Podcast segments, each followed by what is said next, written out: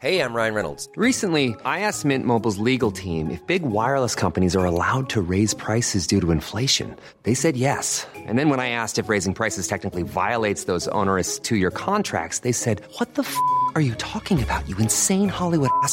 So to recap, we're cutting the price of Mint Unlimited from $30 a month to just $15 a month. Give it a try at mintmobile.com slash switch. $45 upfront for three months plus taxes and fees. Promo rate for new customers for limited time. Unlimited more than 40 gigabytes per month. Slows. Full terms at mintmobile.com. Man sier i auksjonsverden at det er de tre d-er som ofte skaper selgerne, og det er jo dept, divorce og death, altså død, skilsmisse og, eh, og gjeld. Eh, Og det eh, det stemmer jo ofte.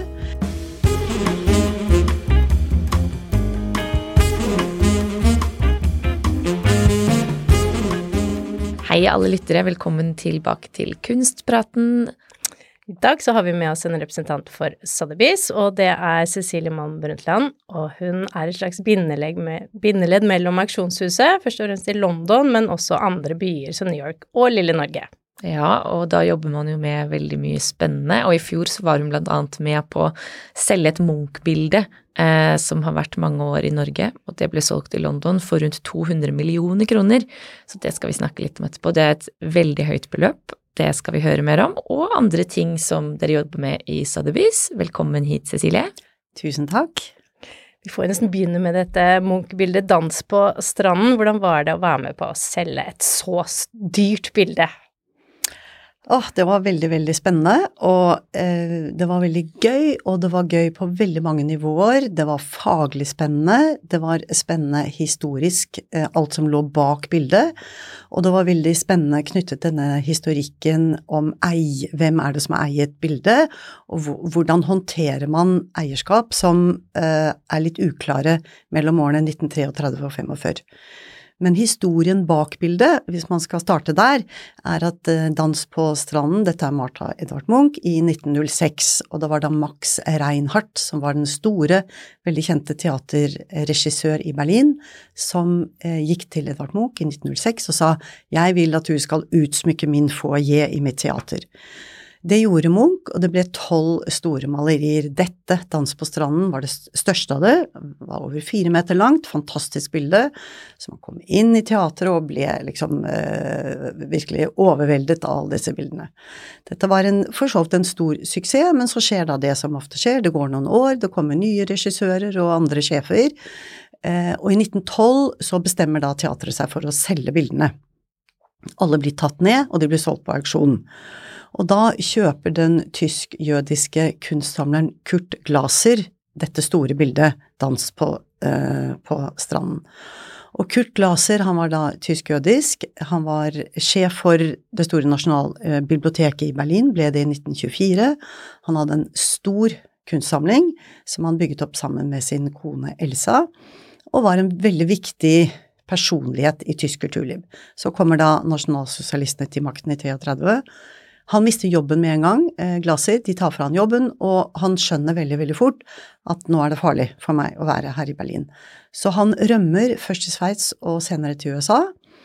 Men før han rømmer, så tar han da og selger eh, flere hundre verk på auksjon, deriblant eh, dette Dans på stranden I Berlin, eller? I Berlin. Ja.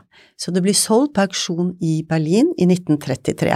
Og vet du hva det gikk for da, eller? Nei, det skulle jeg ønske jeg Ja. visste. Det vet jeg faktisk ikke. ikke. da var det jo veldig rare tider òg. Mm. Ja. ja, unnskyld, jeg måtte bare Ja, ikke sant. Og, og det som er uh, spennende, er at dette bildet dukker opp i Oslo på auksjon bare noen måneder etterpå, i 1934. Og det, eh, og det jeg vet faktisk ikke, og jeg lover deg Sotheby's har brukt enorme krefter på, på å finne hva skjedde i, mellom de månedene det ble solgt på auksjon i Berlin, og det dukket opp på auksjon her i Oslo. Vi vet faktisk ikke helt. Det er ikke han Holst Halvorsen som har holdt Nei, i så og det var annet? det jo man Ja. hadde trodd, men det er det faktisk ikke. Nei. Men det dukker da opp auksjon her, eh, og så blir det kjøpt av Thomas Olsen. Og Thomas Olsen var jo en stor Munch-kjenner, en stor uh, kunstsamler. Og pappaen til Fred og Petter. Pappaen til Ja. Fred og Pe Petter. Ja.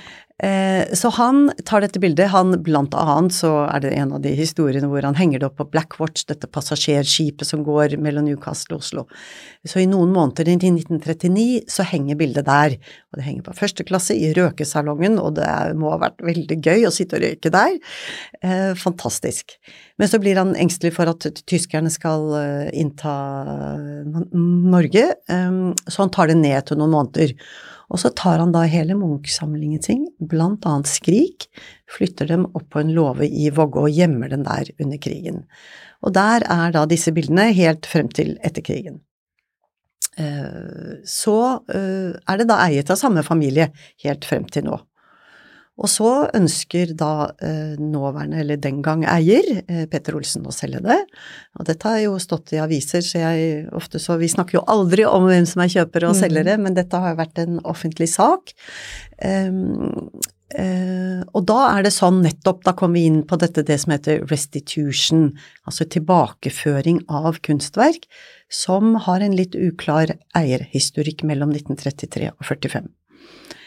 Um, det vi da gjør, uh, Sotheby's som auksjonshus, er at vi har en egen avdeling som vi har hatt siden 1997, som bare arbeider med tilbakeføring, klargjøring, undersøkelse, historikk, og uh, setter i gang forhandlinger mellom da selger og etterkommerne av, i dette tilfellet, Kurt Glaser. Og det visste dere, at det var Ja, Glaser-familien? Ja, ok, ja, så det ja. var ikke noe dere måtte grave i det også? Nei, så det var uh, Så og Men kan jeg bare skyte inn et spørsmål? Hvordan Ja. fungerer da det? Er det da de etterkommerne som tar kontakt med dere, eller er det dere som begynner å Nei, i dette tilfellet så var det oss, Ja. eh, fordi at eh, vi eh, Ikke sant, hvis en selger kommer til oss og sier 'jeg har lyst til å selge dette bildet', så sier vi det er flott, men da må vi sette i gang undersøkelser, eller vi må komme i kontakt med etterkommerne av de som og, og du kan si det er et veldig interessant tema, fordi at Kurt Glaser, som da solgte bildene på auksjon i 33,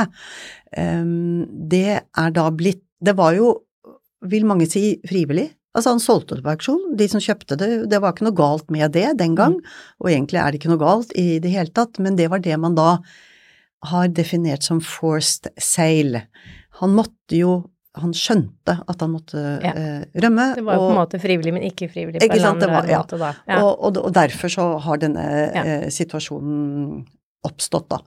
Og da går man inn i forhandlinger, og så er da vår jobb å finne frem til en avtale mellom etterkommerne av tidligere eier og nåværende eier.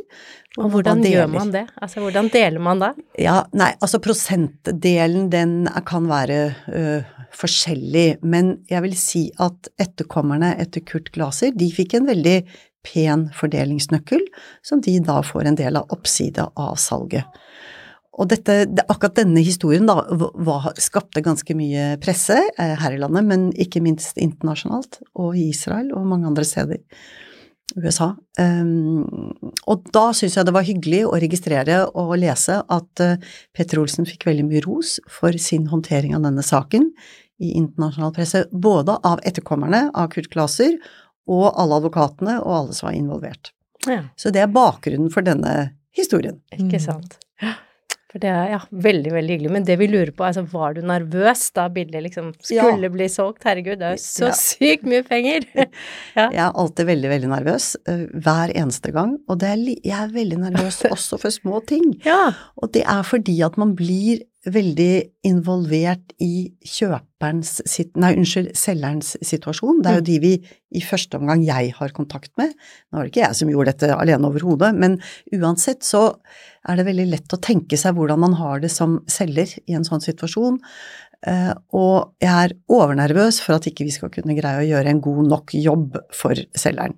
Og så skal man jo også da gjøre en veldig god jobb for, for kjøperen, selvfølgelig. Så Ja. det er veldig mange ting, da. Men ja, jeg var nervøs. Jeg var der, og det var veldig, veldig spennende. Men var det garanti på dette bildet? Eller altså sånn Du, altså, vet du hva, den prisstrukturen der, den, faktisk, den kan jeg ikke helt, så det vet jeg ikke om jeg skal være så nøyaktig å snakke om, faktisk. Nei, for det er jo også annet sånn veldig komplisert. Men kanskje vi ikke skal Ja. begynne å prate om det, da kommer vi oss ikke Ja, da, da videre, for det er oss 18 forskjellige Vi får ta din egen podkast. Ja, vi får gjøre det. Men hvordan er prosessen bak å selge sånne store og så dyre verk, da? Er det, jakter dere mye på å finne disse verkene? Er det alltid folk som kommer til dere? Hvordan er sånne prosesser?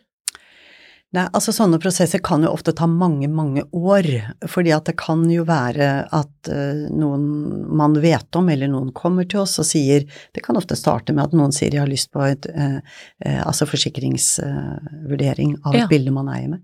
Eier, eier, og så blir det værende der i mange år. Og så kan det være man sier i auksjonsverden at det er de tre d-er som ofte skaper selgerne, og det er jo dept, divorce og death, altså død, skilsmisse og, eh, og gjeld. Eh, Og det eh, stemmer jo ofte. Og da, eh, men etter hvert så, liksom når disse forhandlingene er gjort, da, som jo ofte kan være ganske lange, så er det jo altså en enorm prosess, hele prosessen, å få bildet fra selger til vårt auksjonshus. En ting er at du skal søke om eksport og den slags, det er jo liksom en formalitet. Men det er veldig mange arbeidsstrømmer som man ikke vet om. Man skal ikke minst vite alle detaljer, altså det skal være veldig presist alle opplysningene vi kommer med. Det gjelder eierhistorikk, det gjelder alle mulige andre ting. Bildet skal settes inn i en kunsthistorisk riktig, riktig sammenheng, så det skal skrives essay. Vi har veldig mange flinke fagfolk, jeg må alltid si det, for Sotheby's er jo en stor eh, kommersiell maskin, det er det ikke noe tvil om, men det er så mange flinke folk som virkelig kan faget sitt. Så da skal det skrives essay, det skal da kanskje filmes, det skal bestemmes hvor bildet skal vises, skal det sendes rundt i verden, ehm, det skal lages materiale, det skal presenteres, så det er liksom en enorm eh, prosess faktisk som foregår før man til slutt ja, selger det. Hvor vanlig er det å sende det rundt i verden, da, som du er inne på nå? Det gjør vi bare med ting som er uh, Dette bildet, altså Dans på stranden, du kan si det var jo fire meter lang, så det var litt komplisert å sende rundt. Ja. Men hadde det vært tre meter eller to meter, så hadde vi gjort det. Ja. Eh, men, og det er altså fordi at uh, ting kan være skjørt, det er vanskelig, det er dyrt, uh, så man er redd uh, for det. Men akkurat når det gjaldt Dans på stranden, så hadde vi spesielle videooverføringer, da. Ja, men det Men- var vel, men- er vel kanskje litt sånn, altså du sender ikke rundt et bilde til 10 000. Det gjør vi Nei, at det absolutt ikke. Altså, hvor Nei. går sånn cirka grensen? Ja, det vil sikkert nei. variere litt, men Ja, nei, men det kan også være om det er et viktig bilde eh, Ja. kunsthistorisk. Noen ganger er det jo sånn at man ikke har kanskje så lang eh, prishistorikk på ting, men man tror at dette kan være gøy å vise til eh, Østen da, eller Kina, Kina eller Ja. Hongkong eller hva det nå kan være. Vi gjør det ganske ofte med klokker. ja, det er Eh, kanskje ja. enklere da.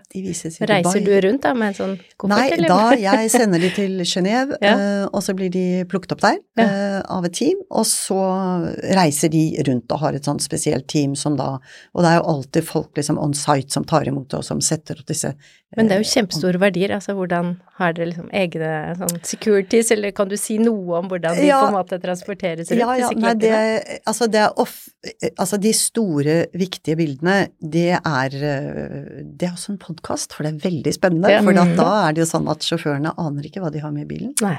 Nei. Nei, de vet ikke hva de har med bilen, og bilene, og, uh, bilene er jo forseglet. Ja. Uh, og uh, man tar selvfølgelig bilde av den forseglingen, man sjekker sjåføren, man sjekker selvfølgelig transportfirma, og det er veldig høye forsikringssummer. Ja. Og Anette og jeg, min, min kollega, vi har da vært med på å være følgebil når ting kanskje skal fraktes fra et lager til fergen, hvis det skal kjøres ja. til Europa. I Norge? Ja, i Norge, og da ler vi litt, da, for vi kjører bak i en bitte liten bil og skal liksom være en Passe slags på. Passe på at dette går små bra. damer, så bra! ja. Det er herlig, Og jeg husker jeg spurte en gang han ene sjåføren eh, ja, vet du hva du har i lasten? Og han så helt spørrende på meg. Det er overhodet ikke. Så sa jeg, men har du på før... Ja, jeg skjønner jo at dette er noe som er verdt ganske mye.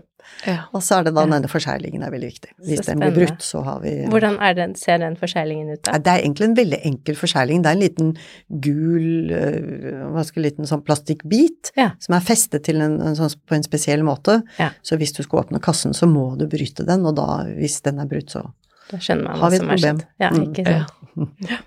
Nå var det jo ja, disse tre D-ene som du pratet om, Mm. eh, og i Petter Olsens tilfelle så var det vel kanskje dessverre litt gjeld det var snakk om, da han måtte selge dette bildet.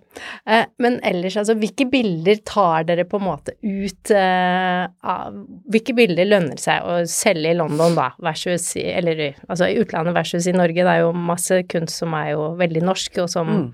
det er bedre å selge i Norge. Ja. Eh, Da vil jeg si at det forandrer seg jo, og det er jo litt gøy eh, at det forandrer seg, men eh, den helt sikre historien er at hvis du har et Edvard Munch, eller du har Harald Solberg, kanskje et godt Taulov, Isedal, Balke, så, selger, så ville jeg tatt de ut. Ja. Mm. Vi selger de veldig, veldig bra ute. Solberg har jo vært en egen historie som har vært veldig, veldig gøy. Solgt til både internasjonale samlere og andre. Eh, Men når det gjelder resten av norsk gullalderkunst, så vil jeg si at det selger best her hjemme. Ja. Så det er, man må vurdere både kunstneren og ikke minst selve verket. For det hender jo at vi får Solberg har eh, spørsmål om Harald Solberg, men vi sier at nei, det er ikke bra nok for oss. Så Nei. da vil vi anbefale et lokalt auksjonshus. Så hvis du har veldig gode verk av disse kunstnerne, da, Ja. så burde man kanskje gå ut. Men det er jo mange som selger Solberg eller Munch i Norge òg, da, som Ja da. ikke velger å gå ut. Ja, ja, ja. er det litt du- fordi de ikke kan mulighetene, tror du, eller tenker de at det er enklere, eller Jeg tror kanskje mange tenker at det er enklere, at Mm. det er kanskje litt sånn, det virker litt overveldende å skulle Mm. sende ting ut av landet, og det kan virke uoversiktlig og sånn, men nå skal det sies at vi som representanter, vi tar oss av alt det, alt det praktiske. Så du kan, man kan bare komme til dere på Frogner og levere, og så fikser dere resten, Ja. liksom? Ja, Må ja. ikke ta det med oss på flyet Nei. til London? Nei, Med altså, egen selv. følgebil. ja, ja. det var sånn man gjorde før. Ja. Så tok man jo ting på fly, og det var veldig Nå gjør man ikke det mer, Nei. for nå er det tollpapirer og mye Ja. vanskeligere. Men alt det som er komplisert, det passer, at- passer vi på at det er vi som gjør, Ja. så kunden ikke føler på det. Ja. Eh, men jeg tror kanskje det er en sånn, ja, trygghetssak. Ja. Jeg vet ikke. Uh, Men så er det jo også mange Altså, hele verden blir jo mer global, og det er jo en del gallerier i Norge som selger internasjonale kunstnere, og Mm. nordmenn kjøper jo kunst i utlandet som de tar med hjem, og så vil man kanskje selge det, da. Ja, og, Og- det, det kan man jo absolutt Jeg vil si at norsk samtidskunst, det er jo øh, Det selges absolutt ute, Mm. men det er jo øh, en litt mer sånn øh, usikker affære, da, for å si Ja. det sånn. Da må det være veldig spesielle verk og spesielle ja. kunstnere.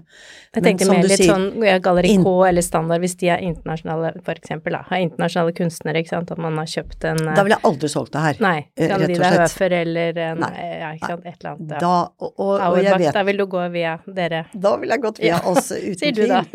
Ja. ja, nei, men ikke sant, jeg tenker at det er så mange flinke norske auksjonshus, og det er ikke noe problem å gi dem masse, masse ros, for de er helt supre. Eh, Men det er vel ikke noe tvil om at vi har et mye større kundetilfang, og at vi Mm. når enormt mye lenger ut i verden, og at hvis man da har internasjonale eh, altså kunstnere, så bør de selges ute. Det er morsomt, da. Jeg tenkte på Miriam Khan Ja. som et eksempel som um, sveitsisk uh, kvinnelig kunstner, født i 1949. Hun, Jon Doblaug, altså galleristen, oppdaget henne på 1990-tallet, fikk henne hit, fantastisk imponerende, og jeg tror at han mellom 1997 og 2014 hadde syv separatutstillinger med henne. Og alle, så vidt jeg vet, kanskje ikke alle, men det aller fleste ble solgt her. Så her fins det jo veldig, veldig mange fine Ja. Miriam Khan-bilder.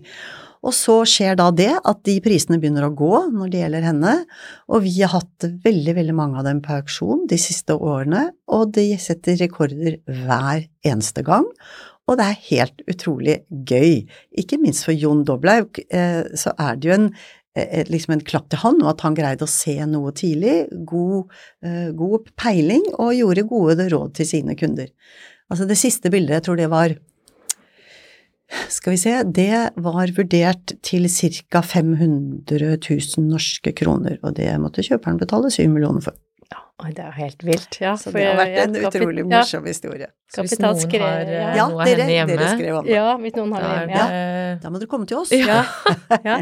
for å se hva man kan få. Ja, ja, det er jo en veldig festlig historie. Men vet du hva de norske kjøperne betalte i utgangspunktet? Altså da de Ja, det vet jeg faktisk, for Ja. ofte så har jeg sett kvitteringene. Ja, det er morsomt. Og det kan ha vært liksom alt fra, jeg vet ikke, 40 til 60 000 norske kroner, altså noe rundt der. Eh, og så går de nå for eh, flere millioner. Det er morsomt. Ja. Men når dere får inn, altså som, nå var jo ikke det så lenge siden da, men de som da kommer og til dere med kanbilder, hvor har de kvitteringene da? Altså, For dette er jo på en måte før man har begynt gjerne med å ha det elektronisk, da. Ja, nei, det er helt utrolig. Folk har skuffer med Skuffer kvitteringer, med så det er papirlapper. Ja, det er papirlapper, ja, Ja, som de tar fotoer av og sender Ja. til oss, og jeg er Ja. veldig imponert. Ja. Personlig, jeg har ikke så god orden, eh, så øh, min mann har, vil jeg si. Men eh, så det er utrolig hvor flinke folk Ja. er til å spare på kvitteringer. Og det er ikke det at vi, vi er ikke avhengig av den, eh, Nei da, den men det er jo litt gøy. men det er Ja. litt morsomt, Ja. for det sier jo noe om historien. Og så er det kanskje lurt øh, å spare på alle mulige sånne ting for ekthetens skyld, Ja hvis man har kjøpt ting på auksjon og sånn òg, eller? Jo, det er det også. Selv om man selvfølgelig Det vil jo bli oppdaget, vil jeg tro, hvis man har en kopi, da. Men, Ja, men ja, ja. er det lurt å ha med seg Ja, alle alltid. dokumenter? Ja. Alltid spar på alle do dokumenter, det er kjempeviktig, og vi vet jo blant annet at eh, når man skal selge klokker for eksempel, da, som har vært veldig populært de siste årene, så er det det å ha esken er veldig viktig. Ja. Og disse Rolex-ekstene er jo enorme, så man, det er jo ikke så rart hvis ikke folk sier, folk har sagt nei, den orker jeg ikke å ha, jeg går med klokken, men den skal man spare på. Alle papirene er veldig viktig å spare på. Så det, for det, der har det veldig mye å si for, for, for prisen. Ja. For et Kan-bilde har det ikke det, Nei. men for en klokke har det det. Og er det, høyner det enda mer, liksom, hvis man har med en sånn flott papirpose som uh, klokken ja, lå på? kanskje. Ja, kan det det? Ja, Men du ser jo litt sånn Louis Ja. Vuitton-poser selges jo, det er jo helt crazy. Men det er morsomt da, fordi at um, det handler jo, én ting er å kjøpe en vare, men det handler jo også om at man kjøper en slags historie noen ganger. Eh, og, og, og det er klart at noen ganger hvis man, la oss si at folk kommer med et smykke da, og sier at å, og et veldig fint smykke, eh, hvis de syns det er ok å stå frem som kjøper, og de til og med kanskje har et foto av bestemor eh, som bærer dette smykket, så er det sånne historier som vi er veldig, veldig glad i, og som er veldig viktig for kjøperne. Ja. Eh, så ja, jeg vet ikke om dere skulle kanskje spørre meg om disse eh, Altså, jeg tenkte på um, um, Freddie Mercury-salget, Ja. blant annet. Veldig morsomt. Skal vi gå over til det? Ja. Ja, for det er jo, en, et, er jo et eksempel på um, at folk ønsker å kjøpe historier. For at ikke sant, Freddie Mercury, som var liksom vokalisten i rockebandet Queen, med den karakteristiske barten, og en fantastisk scenekunstner som liksom revolusjonerte mye av rockehistorien. Han, vi solgte i fjor, så solgte vi hele hans eh, Det var jo helt sykt mange ting, objekter. Hvor Altså, mange altså, var vi det? hadde, vi hadde flere auksjoner, Ja. jeg vet ikke, det var flere hundre Ja. ting. Og det måtte gå over mange dager, og det var køer rundt hovedkvarteret i New Bond Street daglig av folk som ville se, og det var fullstendig vilt. Og da var det eh, bare et eksempel, ikke sant, det var en bitte liten bartekam fra Tiffany, som han hadde sikkert i baklommen og som Ja. dro opp da, og skulle gre barten. Den var syv centimeter, liksom, bitte liten.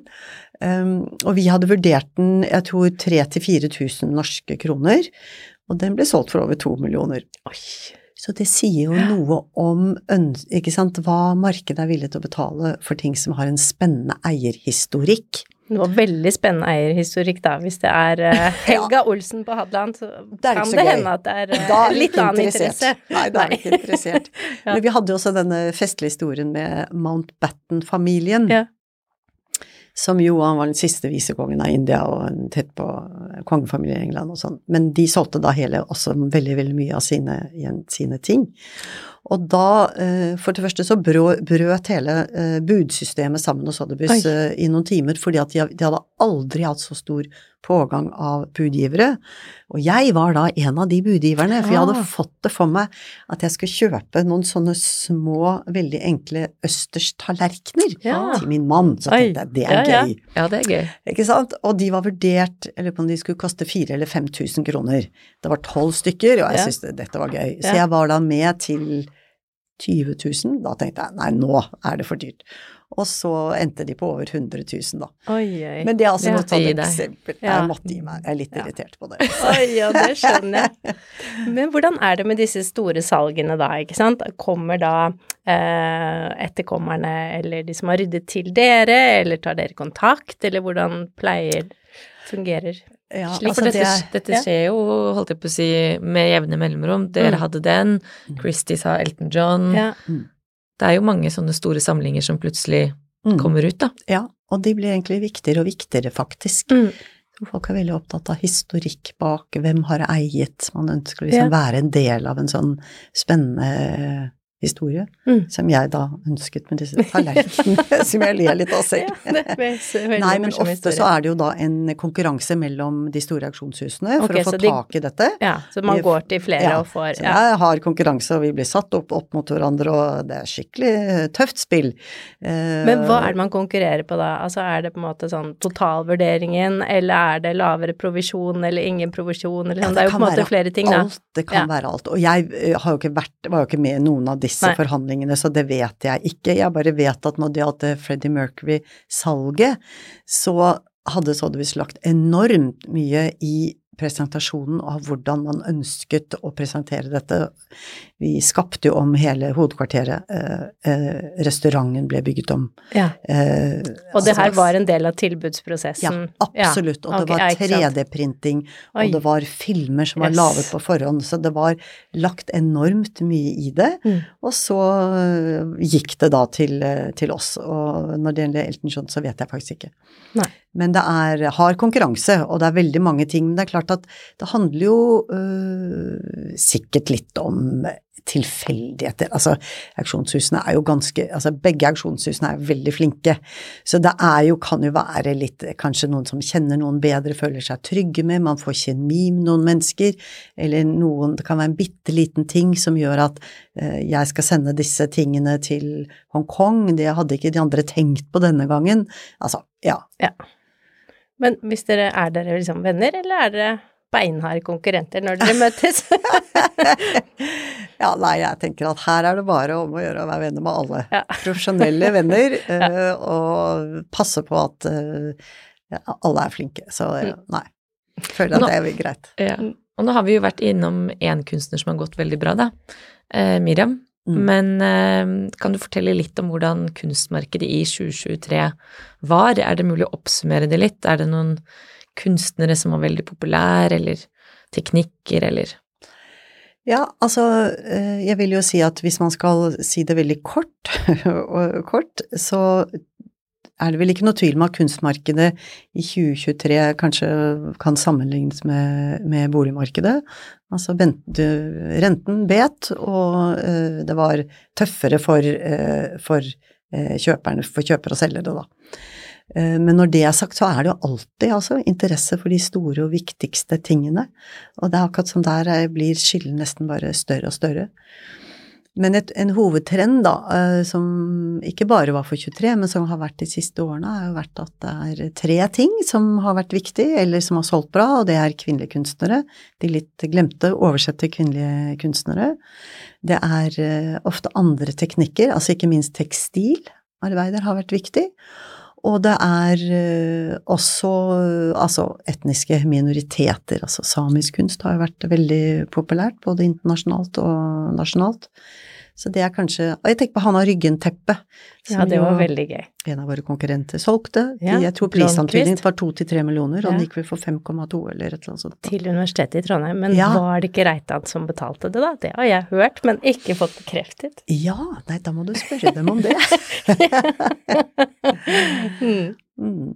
Det er morsomt. Men tenker du at dette er trender som vil fortsette i år, eller er det Hva kommer liksom Ja, det tror må- jeg. ja. Ja. det tror jeg. Trender har jo en tendens til å holde, holde en stund. Ja. Uh, og det er fremdeles ganske stor interesse for um, kvinnelige kunstnere, for tekstil, for ja, andre eh, minoriteter, etniske ting. Så det, det tror jeg absolutt vil holde seg i uh, mange Eller altså mange vet jeg ikke, men det tror jeg absolutt.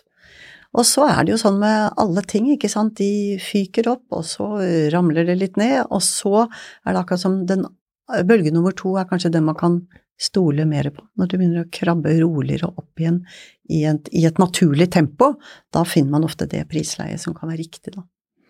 Men mm, ikke sant, det er jo ofte litt sånn at eh, Jeg vet ikke hvor mange år det går da, men så er det sånn det har vært mye sånn 50-60-tall, litt 70-tall, kommer liksom 80-tallet nå, er vi der, eller Ja, altså Miriam Khan er jo et eksempel på det. Ja. Altså jeg tror at for, for ti år siden eh, så ville det vært vanskelig å selge Miriam Kam til, til disse prisene.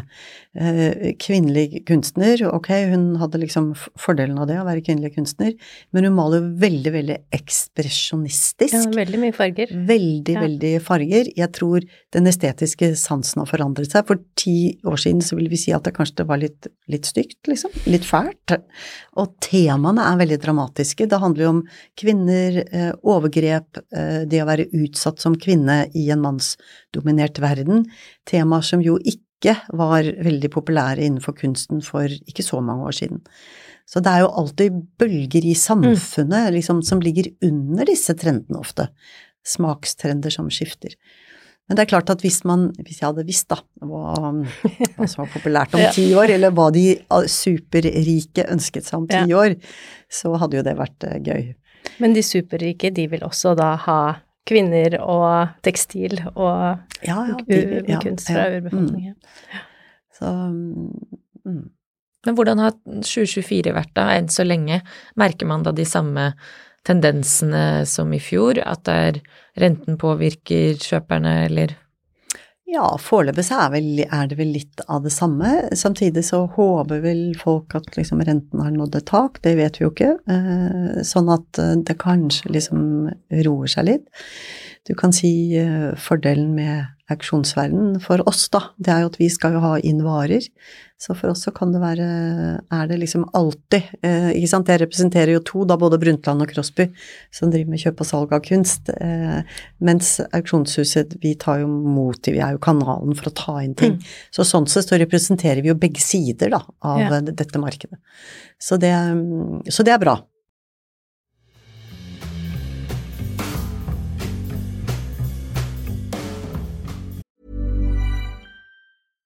Hey, I'm Ryan Reynolds. At Mint Mobile, we like to do the opposite of what Big Wireless does. They charge you a lot, we charge you a little. So naturally, when they announced they'd be raising their prices due to inflation, we decided to deflate our prices due to not hating you. That's right. We're cutting the price of Mint Unlimited from $30 a month to just $15 a month. Give it a try at mintmobile.com slash switch. $45 upfront for three months plus taxes and fees. Promo rate for new customers for limited time. Unlimited more than 40 gigabytes per month. Slows. Full terms at mintmobile.com. I'm Sandra, and I'm just the professional your small business was looking for. But you didn't hire me because you didn't use LinkedIn jobs. LinkedIn has professionals you can't find anywhere else, including those who aren't actively looking for a new job but might be open to the perfect role, like me. In a given month, over 70% of LinkedIn users don't visit other leading job sites. So if you're not looking on LinkedIn, you'll miss out on great candidates like Sandra. Start hiring professionals like a professional. Post your free job on linkedin.com/achieve slash achieve today.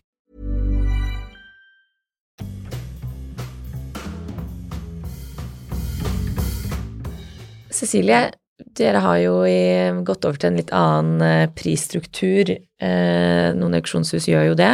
Kan ikke du fortelle litt om det? Jo, ehm, altså Sotheby's innfører nå, faktisk, men det er gått ut offentlig med det. uh, gode nyheter, er det ikke det det heter, for kjøperne. Uh, i, altså første, da. Uh, fordi at det har jo frem til nå så har det vært, hvis du er kjøper på auksjon, så må du betale 26 eh, på toppen av det som heter hammer. Det var, varen. var, ja. Mm. Um, men nå går vi det ned til 20. Og det er jo ganske stort uh, kutt, uh, egentlig. Og i tillegg så på ting som er uh, verdt, eller som vi selger for over er, Vi snakker 200 millioner dollar, da, så det er ganske mye. Så får kjøperen også 8% av oppsiden. Så vi gir bort en del av oppsiden. Og det har jo også vært ofte et sånt forhandlingskort som man har holdt på med. Så nå er det blitt mye, mye tydeligere for kjøperen hva som gjelder, og som sagt, uh, Selgers Commission har gått kraftig ned. Hvorfor har dere gjort dette, da? For dere driver jo business. Vi driver business. Mm. Men uh, ja, vi har ment at det har vært én viktig at det skulle være veldig oversiktlig og greit, og at uh, dette da vil også kanskje føre til at man får flere varer. Og når det gjelder for selgerne, da, så har vi egentlig opp til 500 000 dollar, så skal man da betale 10 Sellers Commission til oss. Og den er også nå veldig flat og liksom avklaret. Um, men jeg vil si for en selger så er det jo det aller viktigste at, ikke sant, så hvis vi har altså millioner av folk i våre databaser, kjøpere, så der er det jo om å gjøre selvfølgelig å skaffe Du skal ikke mer enn to bud, budgivere. Så, to idioter. ja. Så for dem er nok ikke det det viktigste, men for en kjøper så er dette et, en viktig ting som mm. skjer da. Så, men, men, gjør de andre det, eller altså hvordan det vet jeg ligger ikke. dere Nei. Vet, vi, er, vi, har gjort det nå. Ja. Uh, vi er først. Uh, ja. Vet ikke. Uh, det kan det mm, Det vet jeg ikke noe om. Men det gjøres for at folk skal komme til dere, da? Egentlig, vi kanskje? Vi vil gjerne ha mange kunder, ja. det stemmer. For å slå de andre auksjonshusene. Mm. Det er spennende. Nei, fordi det er jo fascinerende med kunstmarkedet. Det er jo ingen andre markeder hvor man tar sånne provisjoner. Og det er jo noe det, Man kan ikke sammenligne det helt, men det er jo I butikk? Jeg vet ja, ikke hva som er markup i en butikk. Ja, nei, nei, hvis man sammenligner Jeg tenkte mer sånn på kjøp og salg av eiendom og aksjer og sånt. Ja, men, sånn, ja. Mm. men eh, det skal vi ikke gå inn på nå. Mm. Men vi skal opp på noe vel annet morsomt. Ja, for du samler jo en del på kunst selv. Nå har vi snakket mye om jobben din, men du er jo interessert i kunst privat også. Kan du ikke fortelle litt om det? Jo, åh, det er en lang historie. Hvor skal man begynne? Ja, ja, ja. Nei da. Men vi, altså jeg og min mann, vi har jo vært eh, liksom veldig, veldig opptatt av kunst i, siden vi traff hverandre da vi var 18, og har egentlig kjøpt eh, Startet med grafikk av Gunnar S. Gundersen, og har jo fortsatt eh, i Ja, i, siden den gang. Um, jeg vet ikke om vi er noen sånne veldig typiske samlere, vi er mer sånne uh, håpløse livhavere som ikke har alltid en veldig stor plan med hva vi gjør. Men det er klart at når man ser tilbake på veldig mange år, og så ser man jo at det danner seg et slags sånn mønster da, av hva man har kjøpt, og hvilke kunstnere vi har vært opptatt av. Vi har jo fokusert vår samling på norske kunst, norske kunstnere, som vi har uh, hatt veldig, veldig, veldig stor uh, glede av, og som vi etter hvert har fylt ut da, ved å kjøpe til ting. Så, og, og der har vi faktisk Ja, unnskyld, avbrøt jeg deg. Jeg bare lurer på hvem som bestemmer, eller sånn, hvem som har det endelige ordet når du skal kjøpe noe. Er dere enige, eller er det, har den ene litt mer enn skulle ha sagt enn den Nei, vi er ganske enige, vil jeg si. Altså, ja. Knut er jo litt mer Han tør å betale mer enn meg. Jeg syns jo ofte det, det, tror jeg ikke er helt uvanlig. Um, så jeg er mer forsiktig, kanskje, men jeg er Vi er veldig, veldig enige faktisk om hva vi har lyst til å kjøpe. Og så diskuterer vi, da. Eh, og noen ganger så kommer jeg med innspill, og så har Knut uh, liksom kommentarer. Det han, som Knut er veldig, veldig flink til, det er at hvis man skal, og som han greier å gjennomføre, for man kan godt mene at man skal lete etter hovedverk, men det å gjennomføre det og greie å kjøpe det det koster, er veldig, kan være ganske vanskelig. Men to av de kunstnerne vi har vært veldig opptatt av, og som vi har samlet mye på, er jo Tone Vigeland, som jo eh, både laver, lav, har laget enormt mange smykker, sølv, sølvsmykker eh, hovedsakelig, eh, og eh, skulpturer for så vidt de siste senere årene, og så er det Mari Slåtteli. Så, mm, så, det er de siste to vi har kjøpt, for Mari Slåtteli har akkurat åpnet utstilling hos Standard. Ah. Så det må dere gå og se på. Ja, det så der kjøpte vi et bilde. Og da har hun liksom gått videre i prosessen sin, da, og denne gangen har hun klippet i bildet og brukt det som en sånn estetisk utgangspunkt for å lage bildene. Veldig spennende. Ja, for da tittet jeg litt på det de skulle selge hos Standard, ja. og det var jo mye litt sånn gule flater og noe Mm. hvitt og litt sånn. Er det et sånt bilde dere har kjøpt, eller? Ja, ja, det er et sånt Det bilde. kjempefint, Margrethe. Ja, ja, det var godt å se på. Hvor ofte handler dere kunst, da? Nei, altså det er veldig, veldig opp og ned, og de senere årene har vi kanskje handlet litt mindre. Eh, men eh, ja, hvor ofte? Altså, ok, eh, før jul så kjøpte vi også noen smykker av Tone Vigeland på auksjon. Det er eh, umulig å ikke forelske seg i ikke det Så de kom på auksjon, og det var fra 1990-tallet, og det er ikke så ofte at de kommer frem. Og der er det jo ganske mye, mange museer som ser etter hennes ting. Men vi mener jo egentlig at prisene for hennes arbeider er eh, relativt lave, eh, og at hun har en internasjonal standard på alt det hun gjør som er helt unikt. Så og- Bruker du de? Ja, jeg Ja. bruker dem. Så jeg Absolutt. står ikke bare til pynt. Nei, jeg har ett som henger på peisen hjemme. Det er, det er såpass vilt at det er litt vanskelig å bruke, men så har jeg en sånn uh, lue eller en sånn cap, den altså, den syns jeg, der ser jeg veldig rar ut, så den bruker jeg ikke. Ikke Knut heller? Nei, ikke Knut heller, men alle de andre tingene bruker jeg. Åh, det er Mm. veldig gøy. Ja. Så det er veldig gøy. Men man føler seg veldig man må ha en god dag, eh, for man får veldig mye oppmerksomhet. Ja. Eh, Jeg husker til og med at jeg en gang var i middag eh, sammen Jeg skulle spise middag sammen med noen, og jeg visste at um, uh, Jeff Koons skulle være der. Og jeg gruet meg, og tenkte jeg åh, dette var litt krevende. Da tenkte jeg her er det bare å henge på seg alle Tone Ja. Vigeland-smykkene, og det gjorde jeg, og han var helt fascinert. Så det er en er icebreaker. Så det var veldig gøy. Det var et godt tips å ta med seg. Absolutt. Men hvor mye tenker dere på investeringen, da? Bak kunstkjøpene? Nei, altså hvis man bare skal tenke på investering når man kjøper kunst, så tror jeg det kan jeg bare ikke anbefale, for det at det er så store eh, altså trendforskjeller, ting går opp i pris og ned i pris, og det er kjempevanskelig. Og nest, veldig, veldig vanskelig å liksom tjene penger, rene penger på å kjøpe kunst. Så vi tenker faktisk eh, sannsynligvis altfor lite på, på det. Men, men når det er sagt, så eh, føler jeg ikke at man skal være liksom sånn høy og mørk og bare si at eh, nei, det betyr ingenting om ting stiger i pris. For det er klart, ingen mennesker har jo lyst til uh, å si, stå og kaste penger ut av vinduet og si Nei. at dette gikk skikkelig dårlig. Men det viktigste kanskje, hvis man ser etter noen år at ting har steget i pris, det er jo en slags um, bekreftelse på at man hadde rett, at man så noe, man så et kunstnerskap eller et verk eller noe som viste seg å være som andre også satt pris på.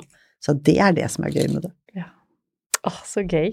Nå skulle vi gjerne sitte opp og pratet her resten av dagen, men um, du skal videre, og uh, Det skal vi òg. det Ja. skal ja. Tusen takk for at du kom, Cecilie. Tusen takk for at du ville ha meg. Veldig hyggelig å ha deg her, og takk til lytterne som hører på Kunstpraten. Om det er noen som vil høre mer på oss, kan dere gjerne abonnere der dere hører på podkast, og gjerne sende oss en e-post til kunstpraten at kapital.no hvis dere har noen tips om ideer eller gjester vi skal ha i studio.